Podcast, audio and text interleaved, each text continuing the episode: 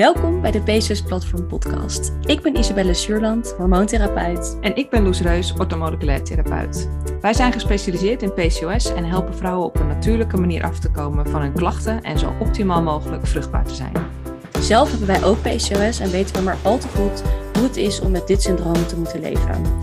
Let op, informatie in deze podcast is informatief van aard en op geen enkele manier medisch advies of vervanging van medisch advies. Neem bij klachten altijd contact op met een medisch professional. Welkom bij weer een nieuwe aflevering. Ik ben Isabel en ik ga jullie vertellen over eigenlijk een soort van nieuwe update vanaf de diagnose tot aan nu. Diagnose PCOS tot aan nu en uh, wat erin allemaal is gebeurd. Ik heb al een keer eerder een um, ja, een soort van verhaal verteld over wat mijn weg naar balans is geweest. Of eigenlijk naar mijn weg tot waar ik toen stond. Dat is helemaal de allereerste podcast geweest. Maar dat is inmiddels al wel weer anderhalf jaar geleden. Dus dat is flink verouderd. En ik dacht, nou, ik ga weer eens een nieuw, nieuwe ja, upgrade doen van wat er allemaal is gebeurd. Ik ga daarin ook een, ja, dat stuk een beetje eh, meenemen. Want anders moet je die podcast helemaal gaan luisteren. En dat hoeft niet, want die uh, is dus verouderd.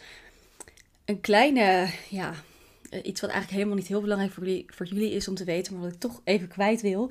Ik heb deze hele podcast dus al een keer opgenomen in de auto. Want ik dacht, nou, ik zit best wel veel in de auto, ook voor mijn andere werk. En ik dacht, nou, dat is makkelijk. Dan kan ik, terwijl ik in de auto zit, een podcast opnemen. Maar dat is tot op heden nog niet echt een succes.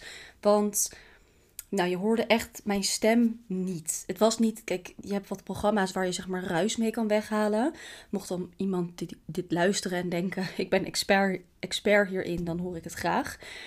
Um, maar dit was echt, mijn stem was helemaal onverstaanbaar. Helemaal ja, gekraakt, zeg maar. Ik weet niet hoe goed hoe ik dat moet uitleggen. Dus het was niet om aan te horen. En helaas heb ik die dus in de prullenbak moeten gooien. Dus ik ga het opnieuw vertellen. Nou, vertel ik het wel vaker. Dus dat is op zich niet erg. En, um, maar ik vond het zelf best wel een goede aflevering. Waarin ik echt alles had gedeeld wat ik wilde delen. En dacht, oh, dit kan ik ook nog vertellen. Nou, ik ga mijn best doen om dat uh, opnieuw te doen. Nou, laten we maar beginnen bij het, uh, bij het begin. Ik um, ga het een beetje chronologisch vertellen, maar ik zal hier en daar ook wat heen en weer hoppen. Want ik heb dit niet voorbereid als in de zin dat ik heb geen A4'tje voor me of zo. Ik ga gewoon lekker vertellen. Het is natuurlijk ook mijn eigen verhaal. Maar ik ken mezelf, ik kan nog wel eens een beetje afwijken. Ik ga mijn best doen om het zo to the point mogelijk te houden. Nou, ik um, was denk ik 14, 15, ik weet het niet meer precies. Ik denk 14 toen ik mijn eerste menstruatie kreeg. En dat was eigenlijk van het begin af aan daarna altijd onregelmatig. Nou, in het begin kan dat natuurlijk, dat zeggen ze ook wel. Um, ja, in de puberteit moet dat nog een beetje regelmatig worden. Maar bij mij was het echt, nou, elf maanden ertussen, dan drie weken lang bloeden. Dan, nou, dat was echt, het zat er helemaal geen regelmaat in. En ik had ook, ik zeg wel eens vaker, ik was echt een puber in het kwadraat. Ik had echt heel erg last van ja, hormonen. Ik was, ik was echt, ik, ik weet ook nog een paar momenten, heel veel ben ik vergeten gelukkig. Maar ik weet nog wel een paar momenten dat ik ook dacht, oh, ik weet niet waar het vandaan komt, maar ik, moet, ik ben gewoon boos nu, weet je wel. Of ik ben heel verdrietig of ja, heel erg stemmingswisselingen. Echt wat pubers kunnen hebben, maar dan dus nog erger. Dat, dat kunnen mijn ouders en mijn broertjes ook beamen. Gelukkig uh, kwam dat op een gegeven moment, werd dat wel wat milder. Um, ja, in ieder geval toen, um, toen uh, ben ik daar toen wel naar, onder, naar het ziekenhuis gegaan om het te laten controleren. Met het idee van, nou, ik wist al heel mijn leven dat ik moeder wilde worden. Ik was gewoon, dat, dat, dat wilde ik. Dus ik dacht wel, ik had met mijn moeder besproken en die zei ook van ja, misschien dat het gewoon goed is om het even te laten controleren. Om te kijken ja, dat het dan niet later is, ja, had je toen maar aan de bel getrokken, want dan hadden we al gezien dat.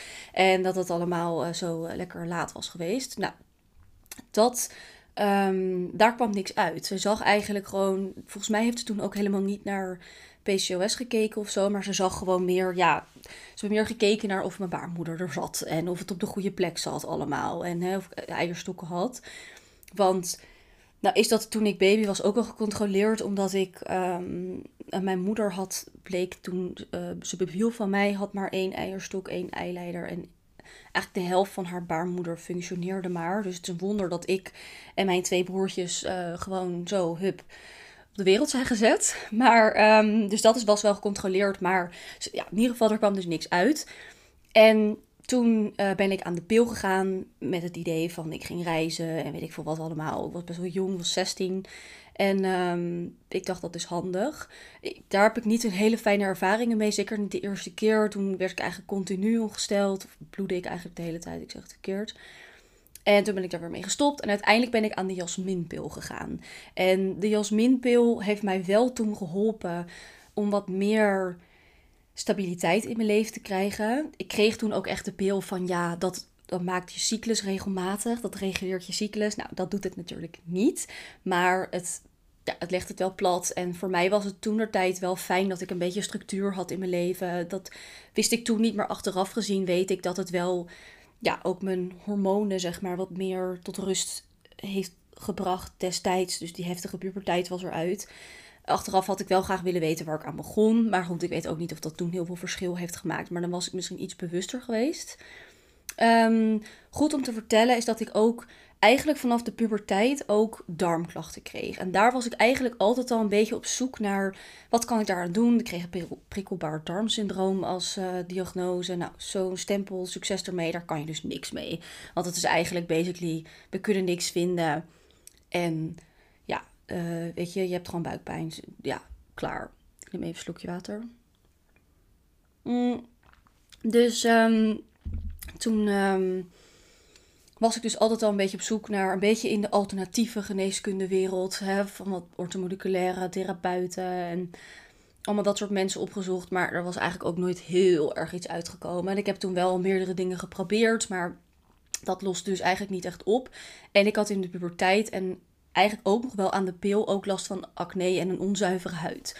Dat wel, werd wel weer erger later, maar Um, nou, dus eigenlijk toen tijd waren mijn klachten al stemmingswisselingen, acne um, en dus die darmklachten. En nou, toen was ik dus al die tijd aan de pil. En op een gegeven moment was ik 20, 21. En toen dacht ik, nou weet je, ik ga er gewoon eens mee stoppen. Want door de jaren heen heb ik ook veel angstklachten ontwikkeld. Dat had ik toen ook al wel, maar dat werd erger en erger. En ineens had ik, had ook wat vriendinnetjes die waren gestopt met de pil. En toen dacht ik, weet je wat, ik ga er ook gewoon eens mee stoppen. Het is tijd. Ik wil ook wel eens weten, omdat ik natuurlijk altijd wel in mijn achterhoofd had dat mijn cyclus niet regelmatig was. Zonder de pil. Nou ja, goed, in ieder geval zonder de pil. Dus eigenlijk uh, er niet zoveel gebeurde of hele vervelende dingen. Wilde ik het eigenlijk eens bekijken. Dus toen ben ik gestopt met de pil. En toen, um, toen kreeg ik eigenlijk daarna. gebeurde er niks. Ik kreeg alleen allerlei klachten. Maar uh, dat werd later pas gekoppeld aan PCOS. Want toen had ik dus ook nog geen diagnose. Dus ik stopte en zes maanden later, drie maanden later had ik nog steeds geen menstruatie. En toen ben ik toen wel al naar de huisarts gegaan. Ik studeerde destijds in Wageningen. En toen zat ik bij een huisarts die ik dus ook nog niet kende. En toen zei ik, nou, uh, dit is de situatie. En hij zei, nou, dan moet je nog even wachten. Als je na zes maanden nog steeds niet uh, nog steeds geen cyclus hebt of iets, dan, uh, dan kan ik je doorverwijzen naar de gynaecoloog. Dus drie maanden later, dus zes maanden nadat ik. Uh, zes of zeven maanden later zat ik in ieder geval, nadat ik was gestopt met de pil, zat ik bij de gynaecoloog. Toen kreeg ik wel een doorverwijzing. En toen kreeg ik wel de diagnose PCOS. Dus um, ja, eigenlijk met het verhaal van, hè, nou, succes ermee. Je kan er niks aan doen je hebt, uh, kom maar terug als je kinderen wil. En um, ja, ja, dit is het eigenlijk. En ik had nog wat vragen van, hè, kan ik dan nu al wat invloed op uitoefenen? Nou, dat kon allemaal niet. En um, destijds, toen ik zeg maar was gestopt met de pil, tot aan die diagnose en ietsje daarvoor... Nou, in ieder geval een bepaalde periode sportte ik heel intensief en at ik eigenlijk ketogeen. En vriendinnen van mij hadden al wel eens gezegd van... joh Isabel, je bent best dun geworden, zou het daar niet wat mee te maken kunnen hebben. Dus dat heb ik nog gevraagd aan die gynaecoloog van, joh, zou het wat te maken kunnen hebben met dat ik te slank ben? Um, nee, dat kon niet. Het kon namelijk, pas, het was zelfs zo volgens de gynaecoloog dat ik pas klachten kon ontwikkelen op het moment dat ik overgewicht kreeg. Nou, dat was natuurlijk, ik heb heel veel, heel veel vrouwen met PCOS gesproken inmiddels, heel veel rare verhalen gehoord en dit was er één van. Um, wat overigens helemaal niet slecht bedoeld is, dat denk ik ook echt niet hoor. Maar het is gewoon alleen wel, ja, het klopt natuurlijk gewoon niet. Ehm, dus ik ehm, kon naar huis, ik kon er verder niks mee. En ik had in de tussentijd had ik dus klachten, namelijk heel erg haaruitval gekregen. Alleen ik wist niet dat dat met PCOS te maken kon hebben, want dat had ik nergens gehoord. Die gynaecoloog had eigenlijk alleen genoemd dat je eventueel wat acne kon krijgen, wat overbeharing en overgewicht. En dat was het eigenlijk. Dus ik dacht, nou, dat, dat zal er dan wel niet mee te maken hebben. Mijn moeder had ook vrij dun haar. En ja, toen dacht ik, nou, misschien is het, is het een familieding.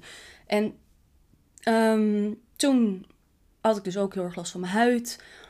En op dat moment, en dat zie ik nu ook veel, en uh, dat had ik toen zelf ook, zag ik eigenlijk mijn lichaam nog heel erg als verschillende onderdelen. Dus oké, ik heb haaruitval, oké, ik heb acne, oké, ik heb darmklachten.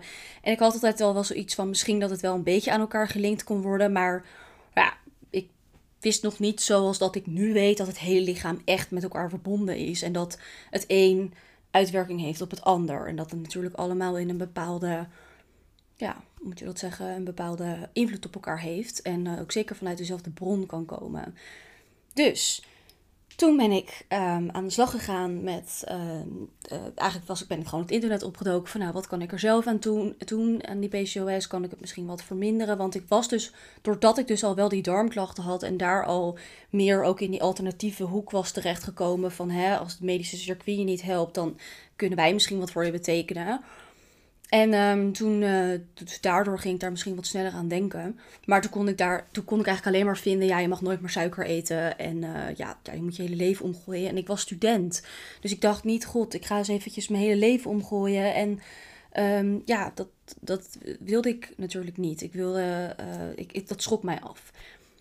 En toen heb ik wel ervoor gekozen om, um, ja, om, om, om wat ik had wel echt die darmklachten. Dat was voor mij wat, ja, moet ik zeggen, dat is meer in your face, zeg maar. Daar heb je meer directe last van, omdat ik natuurlijk nog geen actieve kinderwens had. Dus daar bleef ik wel een beetje mee aanrommelen. Toen heb ik ook nog een tijdje lactosevrij gegeten, wat eigenlijk ook niet echt hielp. Maar goed, in ieder geval, Um, toen heb ik dat dus eigenlijk gelaten. Ik ben niet meer aan de pil gegaan, want dat wilde ik niet. Ik wilde geen hormonen meer, want ik voelde me ondanks die klachten wel beter. Ik voelde me veel meer mezelf. En alsof, ja, wat mensen wel eens zeggen, alsof het leven weer kleur heeft. Niet alsof het daarvoor geen kleur had, maar meer alsof je dingen wat beter voelt of zo. Nou, dat had ik ook. Dus ik dacht, en ik wilde sowieso niet meer aan de pil of aan iets. Dus toen, um, uiteindelijk heb ik uh, was ik toen nog aan het studeren. Toen kreeg ik een uh, stage bij een gezondheidsplatform. En later heb ik daar ook een uh, baan aangeboden gekregen. Daar ben ik ook gebleven. Dus ik was altijd al wel een beetje in die gezondheidshoek. En de bel gaat. Wacht even. Daar ben ik weer. um, er was een pakketje van de buren hier geleverd. En die moest ik even voor open doen. Um, waar was ik? Ja, ik zei dat ik bij Oh ja, dat ik um, bij dat gezondheidsplatform werkte. En daarvoor had ik dus, ik studeerde in Wageningen. Um, bedrijfs- en consumentenwetenschappen. Uiteindelijk de consumentenkant gekozen. Ik deed altijd wel heel veel met voeding. En ja, echt de psychologie van de mens. En dat was in Wageningen, kon je altijd of duurzaamheid kiezen of voeding. Nou, dan deed ik altijd de voeding, want daar was ik in geïnteresseerd. Ik heb ook een minor met heel veel voedingsvakken gevolgd. En um, ja, dat was, het had altijd al heel erg mijn interesse, laat ik het zo zeggen. En toen werkte ik dus bij dat gezondheidsplatform, maar dat was in Utrecht en ik woonde in Haarlem en elke dag een uur heen en weer. Dat was nog pre-corona. Dat vond ik wel wat, uh, wat heftig op een gegeven moment. Dus toen ben ik een beetje gaan zoeken naar banen in de buurt. Uiteindelijk bij een, um, ja, een beetje een evenementenbranche terechtgekomen. En ik had een nieuwe baan en ik zou daar net gaan beginnen. En ik weet nog dat ik toen mijn laatste week had van uh, bij dat gezondheidsplatform. En toen toen kwam corona en toen ging de wereld stil liggen, zeg maar. En toen had ik dus ook, um, dacht ik, geen baan. Dan heb ik nog wel eventjes gestart bij dat uh, nieuwe bedrijf. Maar ja, al gauw kwam het, ja, eerst begin dacht ze natuurlijk nog, misschien dat het op gang komt, maar dat kwam niet. Lang verhaal kort, ik had dus geen baan en ik was wel weer een beetje gaan solliciteren van wat vind ik leuk. Maar ergens in mijn achterhoofd ja, spookt het eigenlijk altijd al een beetje van ja, ik wil wat met die PCOS, want het interesseert me. En ik lees er heel veel over. Ik weet er veel van. Ik weet veel van voeding. Dus toen ben ik PCOS Platform gestart en uh, verbonden met andere deskundigen. Zo heb ik Loes ook leren kennen, want ik had Loes een berichtje gestuurd. En Loes stond open voor, um, voor een keer afspreken. En uiteindelijk klikte dat heel snel. En dachten we, nou, we gaan samen. Heb ik gevraagd of Loes een cursus met mij wilde maken. Dus zijn we samen die ja, cursus over voeding gaan ontwikkelen. En toen kwam eigenlijk een beetje de. Ja, dat we allebei hadden we al wel resultaten geboekt met wat we tot dan toe kenden. Dus ja, het gezonde eten en, en de.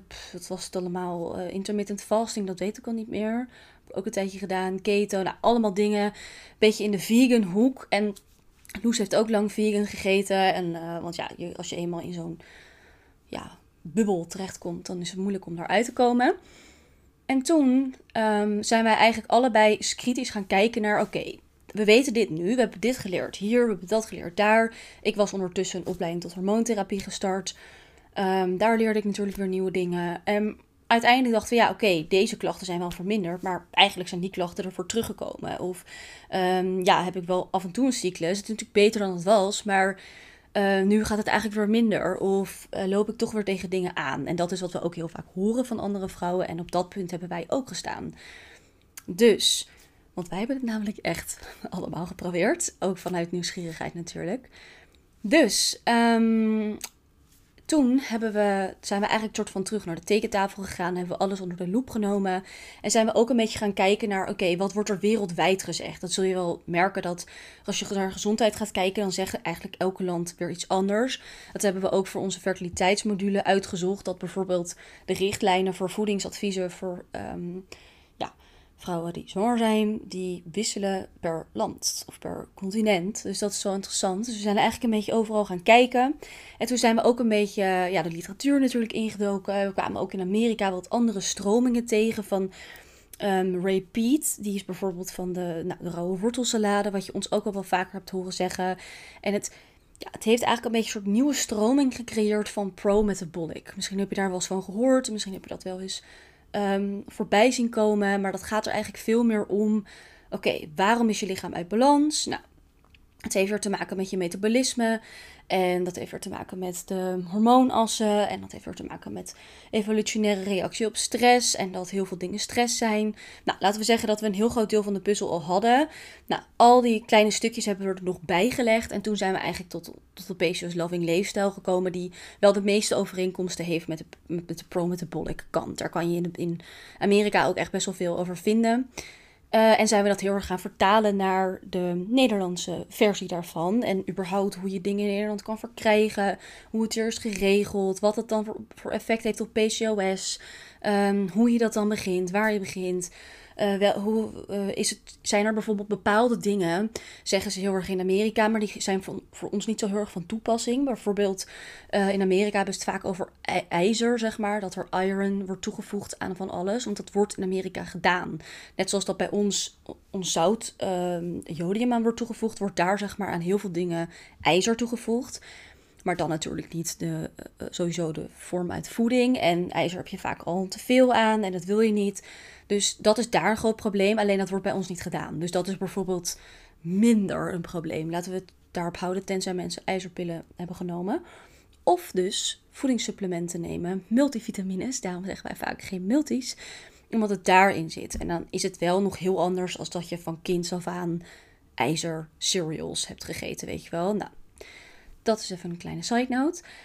Maar toen zijn we dus eigenlijk um, zijn we dat zelf helemaal gaan implementeren. Met vallen en opstaan, tegen heel veel dingen aangelopen. Um, uh, ja, hebben we natuurlijk boeken besteld. Uh, van allerlei kanten literatuur ingedoken. En zo zijn we eigenlijk tot een soort van nieuwe conclusie gekomen. Zijn we dat along the way gaan proberen.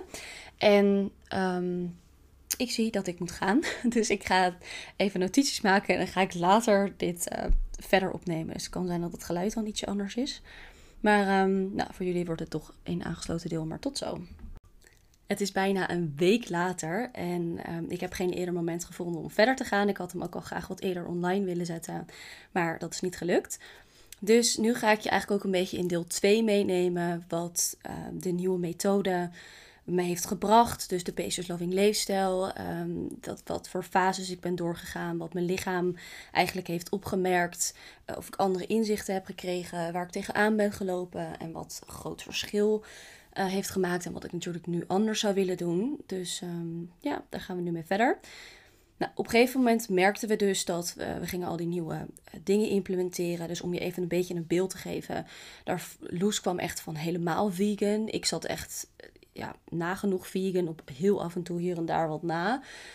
Um, en ging ineens weer vlees eten. En ik weet nog dat de eerste keer dat ik weer een tartaartje at, dat ik het ook echt smerig vond. Dat ik echt dacht, oh, ik moet echt heel erg wennen aan deze smaak. Dus dat is ook wel weer grappig als je een hele tijd iets niet hebt gegeten, zeker vleesdingen.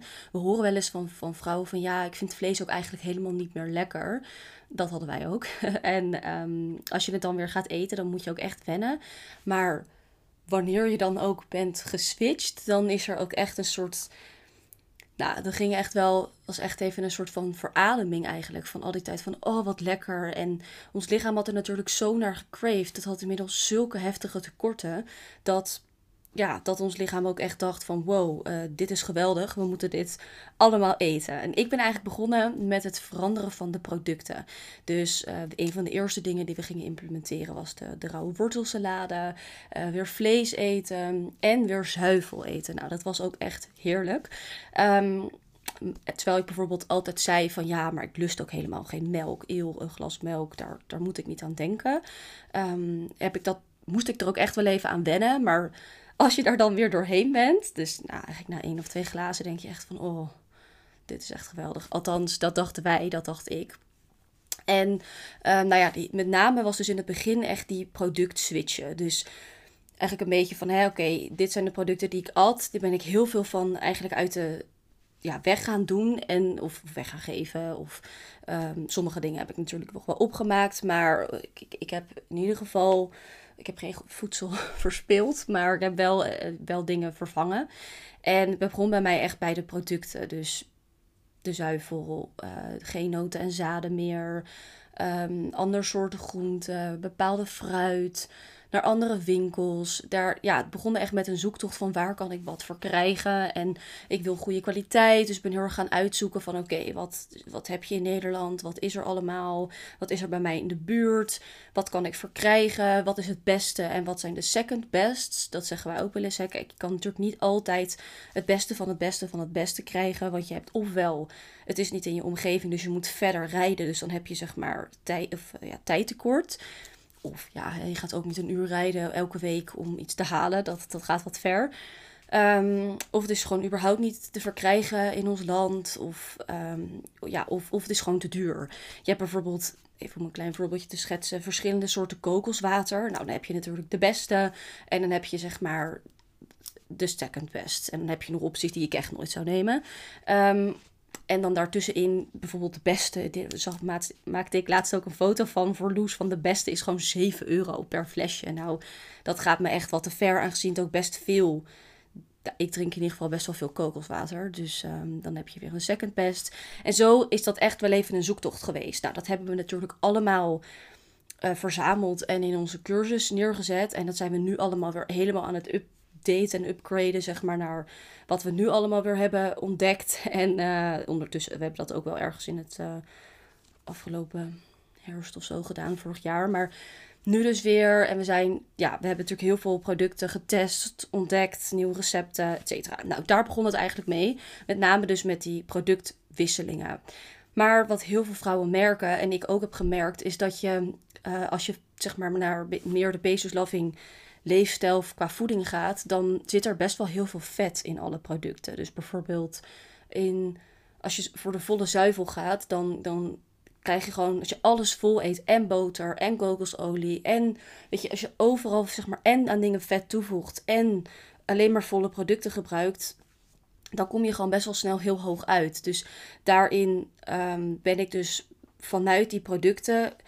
Ik had geen flauw benul waar vet in zat, waar koolhydraten in zaten. Wat wist natuurlijk wel ongeveer, maar en waar wat eiwit bevatte, maar ik had geen idee van de hoeveelheid, omdat ik altijd overtuigd was, net zoals met calorieën, ik wilde dat allemaal niet weten, want dat maakte niet uit, want daar kon je alleen maar eetstoornissen van krijgen. Nou, die eetstoornis die um, heb ik echt wel gehad. En dat had niks te maken bij mij met calorieën tellen of um, bezighouden met waar welke macro's in zitten.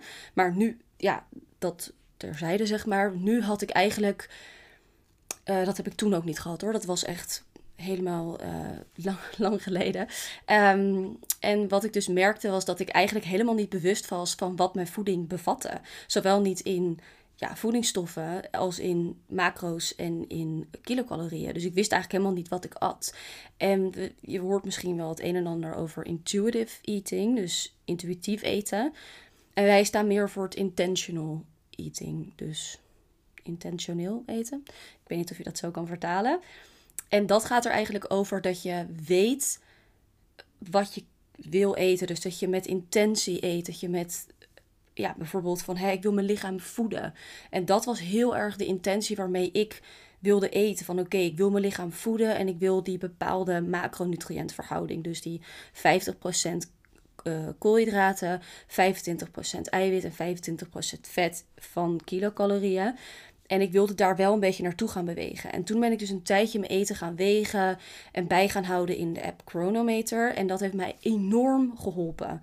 Er wordt eigenlijk dit, dit kilocalorie tracken en, en macro's trekken staat heel erg in een ja, negatief daglicht. Ook omdat veel vrouwen ook die bij in onze begeleiding krijgen er tegenaan lopen dat ze daar bijvoorbeeld heel lang zo obsessief mee bezig zijn geweest. Omdat ze bijvoorbeeld zo min mogelijk kilocalorieën wilden binnenkrijgen. En daar zeg maar een eetstoornis aan over hebben gehouden. En dat is heel jammer. Um, dat is voor hun natuurlijk heel vervelend. Maar het is ook jammer dat tegelijkertijd dit zo negatief uh, in het licht staat. Omdat, of belicht is. Omdat het eigenlijk een hele mooie tool is om een beetje te, ja, te kunnen leren van wat eet ik nou eigenlijk. En dan kom je al best wel gauw op een vrij traditioneel voedingspatroon uit. Dus de aardappels, vlees, groenten. En de ja, bepaalde uh, hartig, brood, uh, hartig beleg op brood bijvoorbeeld. Weet je, dat zijn best wel veel fruit bij de maaltijd. Of nog als toetje, zeg maar. Een beetje fruit of wat yoghurt. En dat staat ook al heel lang in een negatief daglicht. Maar dat is dus eigenlijk helemaal niet per se zo. Dus dat is best wel grappig dat als je kijkt naar ja, wat, wat het eigenlijk allemaal inhoudt. Dat het best wel teruggaat naar hoe er eigenlijk heel erg lang ook is gegeten door onze voorouderen, wordt wel eens gezegd. En um, ja, en dat is ook eigenlijk het, het, um, waar de meeste mensen het het beste op doen. Nou ben ik nooit heel spastisch gaan kijken hoor. Het is zeg maar, je wil om en nabij die verhoudingen. Maar het gaf mij wel heel veel inzicht. Want hoe je eigenlijk je bloedsuikerspiegel stabiel kunt houden. Dus door bepaalde producten wel en bepaalde producten niet te kiezen. Zoals bijvoorbeeld die vetzuren, zeg maar. Dus welke vetten gebruik je en eet je en welke niet. En dus die ja, die bloedsuikerspiegel uh, of die uh, macronutriëntverhouding, hou je die bloedsuikerspiegel stabieler. En dat is wat je wil. En daar heb ik zo'n enorm verschil in gemerkt. Want naast het feit dat ik dus die verhoudingen goed wilde, wilde ik ook genoeg eten. Want ik heb ook heel lang echt veel te weinig gegeten. En zo ben ik eigenlijk steeds gaan, ja, gaan optimaliseren daarin. En na een tijdje heb ik het ook helemaal losgelaten. Dus ik weeg nu eigenlijk bijna nooit meer mijn eten. Ik zou het wel weer eens een keer een periode willen doen om te kijken van hoe zit ik nu en ben ik on track, zeg maar. En nu ben ik er dan natuurlijk mee bezig omdat ik allemaal weer nieuwe recepten aan het ontwikkelen ben voor, um, voor het receptenboek in de PCOS Balance formule. En, maar het is zeg maar, ik heb het ook op een gegeven moment weer helemaal losgelaten. En wat ik dus heb gemerkt door die bloedsuikerspiegel stabiel te houden en genoeg te eten, wat twee key elementen zijn in de PCOS-loving leefstijl, is dat ik helemaal geen cravings meer had. En daarvoor had ik echt dat ik, nou dat herken je misschien wel als je het zelf ook hebt, dat ik sowieso heel erg fluctuerende energie had gedurende de dag. Dus ik kon S ochtends had ik meestal nog wel wat energie. En op een gegeven moment stortte ik eigenlijk helemaal in. Dus dan was ik helemaal. Ja, dan moest ik echt gaan liggen. En uh, ja, of werd ik rijden of kreeg ik mood swings. En kon ik echt zo hebben van ik moet nu eten. En dan ging ik echt alles uit de kastjes halen en maar wat maken. Want er ging natuurlijk geen ongezonde dingen in huis halen. Dus ging ik dan allemaal, ja, het, koekjes maken of deeg maken, wat ik dan maar ging eten. Omdat ik eigenlijk een zo'n, mijn lichaam zo'n schreeuw gaf van... Hallo, je krijgt veel te weinig voeding en veel te weinig voedingsstoffen binnen. Go eat now. dat gebeurde er. En dat is vaak ook dat hè, cravings wel of niet beheersen heeft helemaal niks te maken met zelfbeheersing. Het heeft te maken met ja, een, een oerdrang eigenlijk van je lijf. Van oké, als je nu niet gaat eten, dan kom ik echt zoveel tekort. En dan kan ik gewoon mijn, kan ik niet goed functioneren. Dus door eigenlijk die mindset shift te maken van mijn lichaam probeert mij tegen te werken en ik moet het onder controle houden en ik moet het een soort van wilskracht uh, moet ik gaan ja, gezond gaan eten en, en tegen deze behoeftes ingaan. Veel meer naar dus dat intentional eating van oké, ik wil mijn lichaam voeden en hoe kan ik dat het beste doen? En dus, nou goed, dat gaf mij dus heel veel lichamelijke ehm, verschil. Want ik kreeg ontzettend veel meer energie gedurende de dag. Überhaupt kreeg ik veel meer energie. Mijn concentratie ging echt veel beter. Dus ik kreeg echt, ik kon, ik had daarvoor best wel steeds meer en meer dat ik eigenlijk alleen maar onder hoge stress kon presteren. Want ehm, ja, anders dan was ik echt een beetje dat brain foggy, weet je wel. Of dat je continu vergeetachtig bent, namen van mensen vergat. Echt als ik aan terugdenk, denk ik bijna hallo. Zag ik al deze red flags niet, dat het eigenlijk gewoon echt niet goed met me ging. Maar ja, je, je bent zo ingezoomd op je situatie. En als je het niet weet, dan weet je natuurlijk ook. Dan weet je ook niet dat het een ding is. Dat krijgen we trouwens ook vaak uh, in onze begeleiding. Dat gaan we natuurlijk heel veel vragen stellen.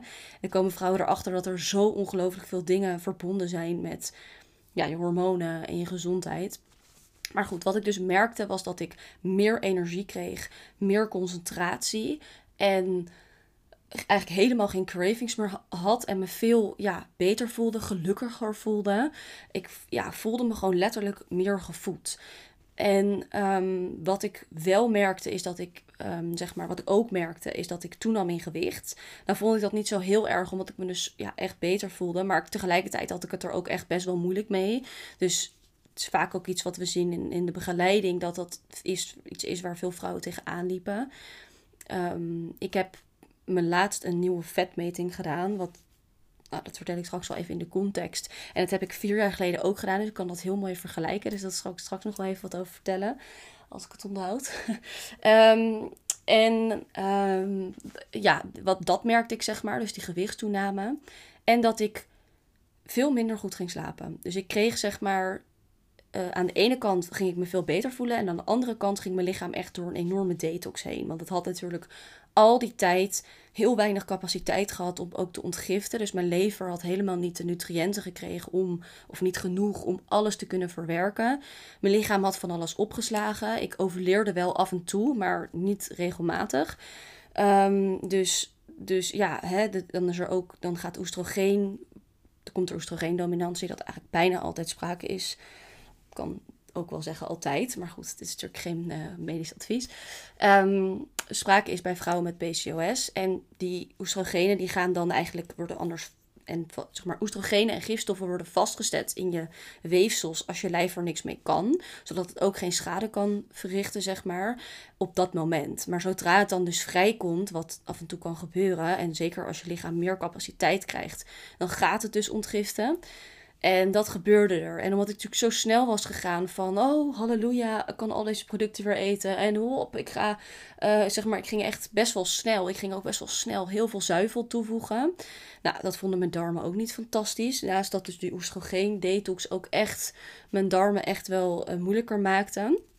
Het is vaak uh, een niet gelegde link dat die oestrogeendominantie ook echt direct darmklachten kan veroorzaken.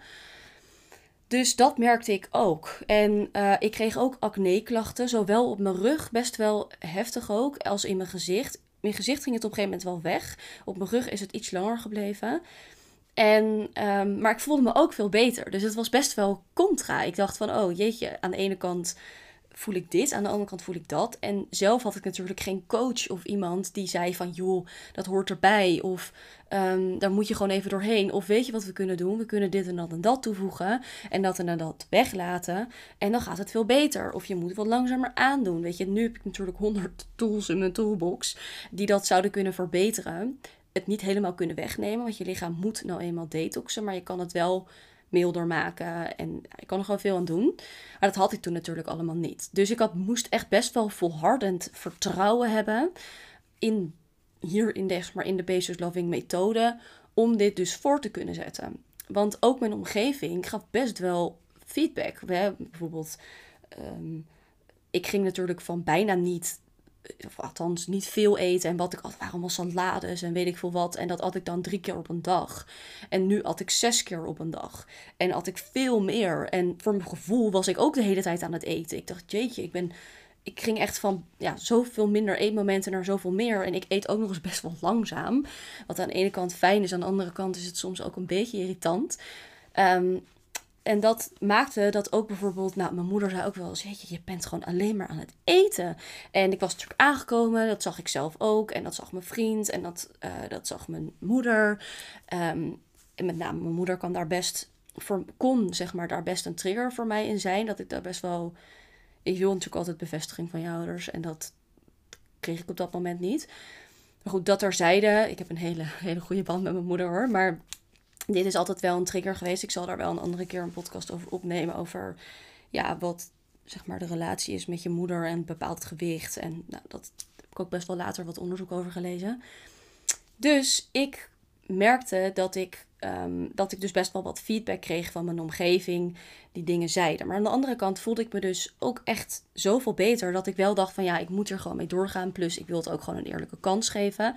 En wat ook vaak helpt, dat we ook wel eens tegen cliënten zeggen, is ehm, je kan altijd weer terug. Kijk, ik kon altijd weer vegan gaan eten. Of ik kon altijd weer zuivel vermijden. Of wat dan ook. Weet je, je kon natuurlijk altijd weer dingen veranderen. Het is niet zo dat als je een weg bent ingeslagen, dat je dan niet meer terug kon.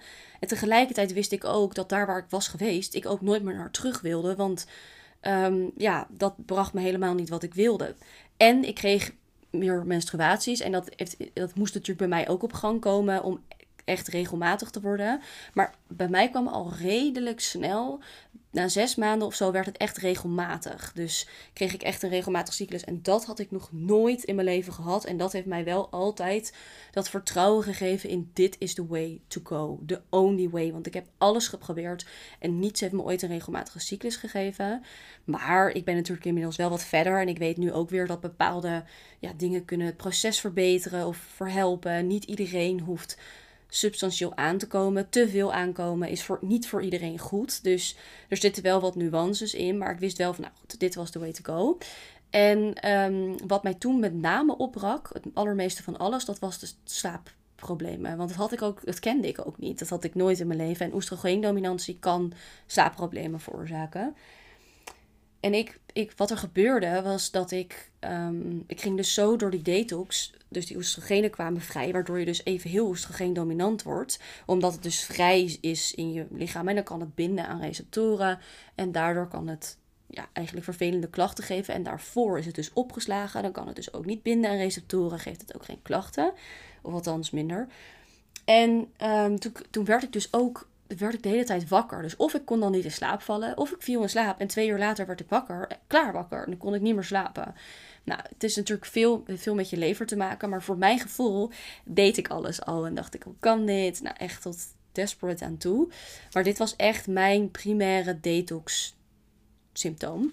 En uiteindelijk heeft zich dat ook weer opgelost. En weet ik inmiddels ook wel weer wat meer wat je kan doen om je slaap te verbeteren. En nou, ik zal wel een keer een aparte podcast opnemen over slaap en wat je kan doen om het te verbeteren. Want de mensen die wel slaapproblemen hebben of detox uh, effecten krijgen, dat ze zeg maar slaapproblemen krijgen, net zoals ik. Het is gewoon echt heel vervelend. En het zit natuurlijk ook in de, in de basis balansformule zitten dit soort dingen dus allemaal in de bibliotheek. En we daar speciale um, ja, adviezen eigenlijk voor aan het schrijven per um, ja, situatie, dus per klacht of symptoom. Um, los van de hele aanpak. Dus, nou goed, dan weet je dat. Um, en op een gegeven moment werd dat beter, ging ik ook beter slapen. En ondanks dat ik dus slecht sliep, dat is dus wel grappig, had ik wel overdag redelijk veel energie. Dus dat was wel opvallend, terwijl ik dat daarvoor natuurlijk helemaal niet had en ik veel meer sliep. Te veel slapen is trouwens ook een teken. Dus mocht je denken, oh, ik, slaap, ik, ik slaap heel goed, want ik slaap altijd door. En ik kan altijd wel slapen en ik slaap soms 10 uur. Dat is ook een teken van dat het eigenlijk niet zo heel goed met je gaat. Of althans dat er iets gaande is, laat ik het zo zeggen. Um, dus, nou, dat waren eigenlijk um, ook de, de, de wat ik eigenlijk heb gemerkt aan detox-effecten, wat mijn omgeving eigenlijk teruggaf en wat ik zelf aan veranderingen merkte in mijn lijf. Nou, um, het ging steeds beter, detox-effecten verminderden. Ehm, en nou, zeg maar echt anderhalf, een jaar later of ietsjes later, kreeg ik nog wel eens een keer een soort van detox-vlaag. Dus dat er weer eens een keer, ja, dat je eigenlijk een soort van stapje verder weer gaat in je lijf en dat je lijf weer wat aan het opruimen is. En dan kan je weer tijdelijk even een toename aan klachten ervaren. Nou, nu weet ik echt wel wat dingetjes die dat beter kunnen maken. Ehm, maar tegelijkertijd is het soms, ben ik ook wel blij dat ik denk, oh ja, het is nu ook gewoon mijn lijf aan het verlaten. Ehm, dus moet, kan ik bijvoorbeeld extra uh, wortelsalades doen. Want ik neem heel vaak niet die wortelsalade, maar dus gewoon een rauwe wortel. En dan ga ik wel echt ervoor zorgen dat ik dus die salades neem. Die salade, wortel, rauwe wortelsalade, die staat trouwens in, uh, op Instagram ook het recept ervan. En natuurlijk in de Bezos balansformule. Um, even kijken hoor, wat ik nog meer wilde vertellen. Um, ja, wat heeft een, een groot verschil gemaakt? Nou, ik denk dat het grootste verschil in het hele proces is geweest van het begin af aan het verschil in inzicht. Dus in plaats van mijn lichaam werkt niet goed en ik moet allerlei dingen, het moet het in dingen ontzien of ik moet, moet dingen vermijden, veel meer naar mijn lichaam doet heel hard haar best om continu te overleven en te functioneren met dat wat ze krijgt. En ik mag veel meer gaan kijken en leren naar uh, wat kan ik mijn lichaam geven, zodat het optimaal kan functioneren en dat ik optimaal vruchtbaar kan zijn. Dus die mindset shift, zou ik nu al bijna vergeten, is dat ik echt even in mijn geheugen moest gaan graven van oké, wat is er eigenlijk allemaal gebeurd? Die mindset shift heeft echt een enorm verschil gemaakt in alles wat ik doe en alles wat ik, ja, wat ik, hoe ik Patios Loving leef. Want ook in het stukje balans, dus hè, hoe ga je er mee om als je een bepaald voedingspatroon hebt en je gaat buiten de deur eten, dan denk ik niet meer, oh no, oh no, ik ben bang dat ik klachten krijg. Tuurlijk, in het begin kreeg ik dat echt nog wel en dat is ook gewoon heel vervelend. Maar tegelijkertijd denk ik ook, oké, maar wat heb ik nu het meeste nodig? Wat dient mij op dit moment het meeste? Het lekker loslaten, ontspannen, erin kunnen gaan, nou, et cetera, zeg maar. Dus die mindset, hoe je er eigenlijk in gaat, is heel bepalend van hoe je, um, ja, hoe je dit eigenlijk allemaal doorloopt. Um, even kijken. Wat ik dus nog meer wilde delen. Wat had ik anders willen doen? Ja, ik had het net al een beetje verteld. Dat ik eigenlijk merkte dat ik te snel ben gegaan. En dat is, ja, dat is typisch. Ik ben ook wel een beetje een alles of niets persoontje. En we zien het soms ook bij onze cliënten. Achteraf had ik misschien ietsje langzamer willen gaan, maar ik weet ook niet zeker of dat echt bij mij had gepast. Dus ik denk dat ik ook zoiets had van ja, ik had het, vond het prima om dan de consequenties van tijdelijke toename in klachten te accepteren, omdat ik er natuurlijk ook sneller doorheen ging. Dus ja, je krijgt even wat meer een, een klap.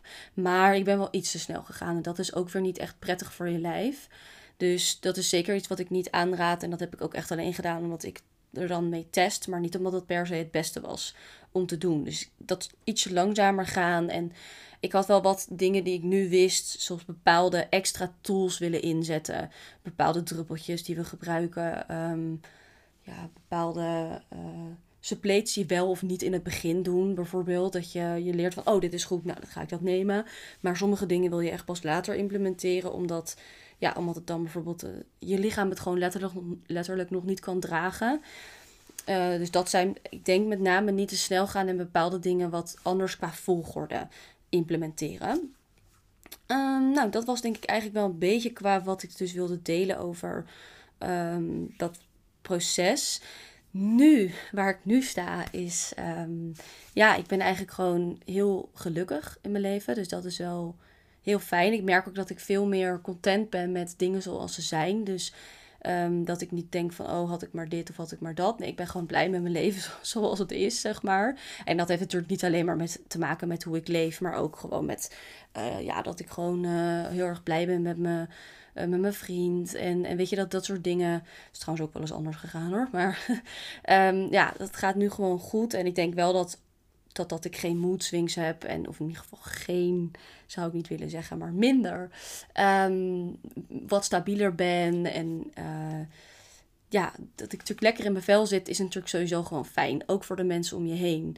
En dat is denk ik uiteindelijk ook hetgeen wat ik toen ook tegen mijn omgeving heb gezegd. Van ja, oké, het zal wel zo zijn dat ik de hele tijd eet. Maar ik ben heel gelukkig en het gaat gewoon heel goed met mij. Dus dat is uiteindelijk toch gewoon het allerbelangrijkste. En dat ja, dat is uiteindelijk ook het allerbelangrijkste. En daarin um, is dat, heb ik dat ook gemerkt. Dat lekker in je vel zitten. Um, Dat is het allerbelangrijkste. En ik ben op dit moment uh, weer aan het sporten. Dus ik, dat heb ik een hele tijd niet gedaan. En dat had ik ook wel anders willen doen. Ik denk dat ik niet helemaal niet had willen sporten, maar misschien af en toe. Het heeft met name te maken omdat ik. Ehm, ja, ik weet niet helemaal zeker, maar waarschijnlijk ook wat hypermobiel ben. Um, waardoor ik zeg maar best wel veel ruimte heb op bepaalde plekken in mijn lijf. En daardoor omdat er dus een soort van zoveel ruimte is, worden dingen niet helemaal op een plek gehouden. Waardoor je, als je niet sterk genoeg bent, dus de, de spieren niet genoeg hebt, uh, extra ja, eigenlijk ballast legt op andere dingen. Dus ik heb soms best wel ineens heel erg last van ja, pijn in mijn lijf. Omdat ik dus bepaalde dingen letterlijk gewoon een hele tijd heb overbelast. En um, sommige vrouwen zien we in de praktijk, die moeten echt even niks doen. Die kunnen al, alle energie die ze nodig hebben, moet naar het helen, helingsproces gaan. En die moeten echt even niet sporten. Um, of, of echt heel gedoseerd en hele specifieke dingen. Maar ik denk wel dat als jij af en toe wat kleine oefeningetjes doet om even je lijf wat sterker te maken, dat dat voor niemand echt kwaad kan en dat het ook wel belangrijk is om een beetje een soort van lichamelijke balans te houden. Maar nu ben ik dus echt aan het sporten, dus ik doe meerdere keren per week, twee tot drie keer per week krachttraining en één keer per week yoga. Um, dat ben ik echt aan het uppen en ik ben heel benieuwd hoe dat de komende tijd gaat. Ik ga dat ook uh, meenemen, allemaal in de PCOS balansformule. Komt een stuk over sport, dat, heb, dat staat er al. Uh, en ook een next level stuk over sport, zeg maar. Wat, wat je dan kan doen. Welke, we raden zeg maar aan om dan krachttraining te doen. Maar waar je ook op kunt letten. Um, en dat ben ik eigenlijk nu aan het doen. Dat gaat tot nog toe heel erg goed en dat voelt gewoon heel fijn.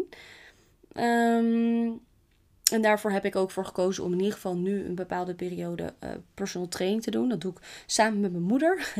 um, dat is trouwens wel aan te raden dat als je personal training wil doen, dan kan je prima met iemand samen doen. Omdat uh, dat, dat, dan wordt het uur efficiënt ingedeeld en dat scheelt gewoon de helft qua kosten. Dus dat is best wel fijn.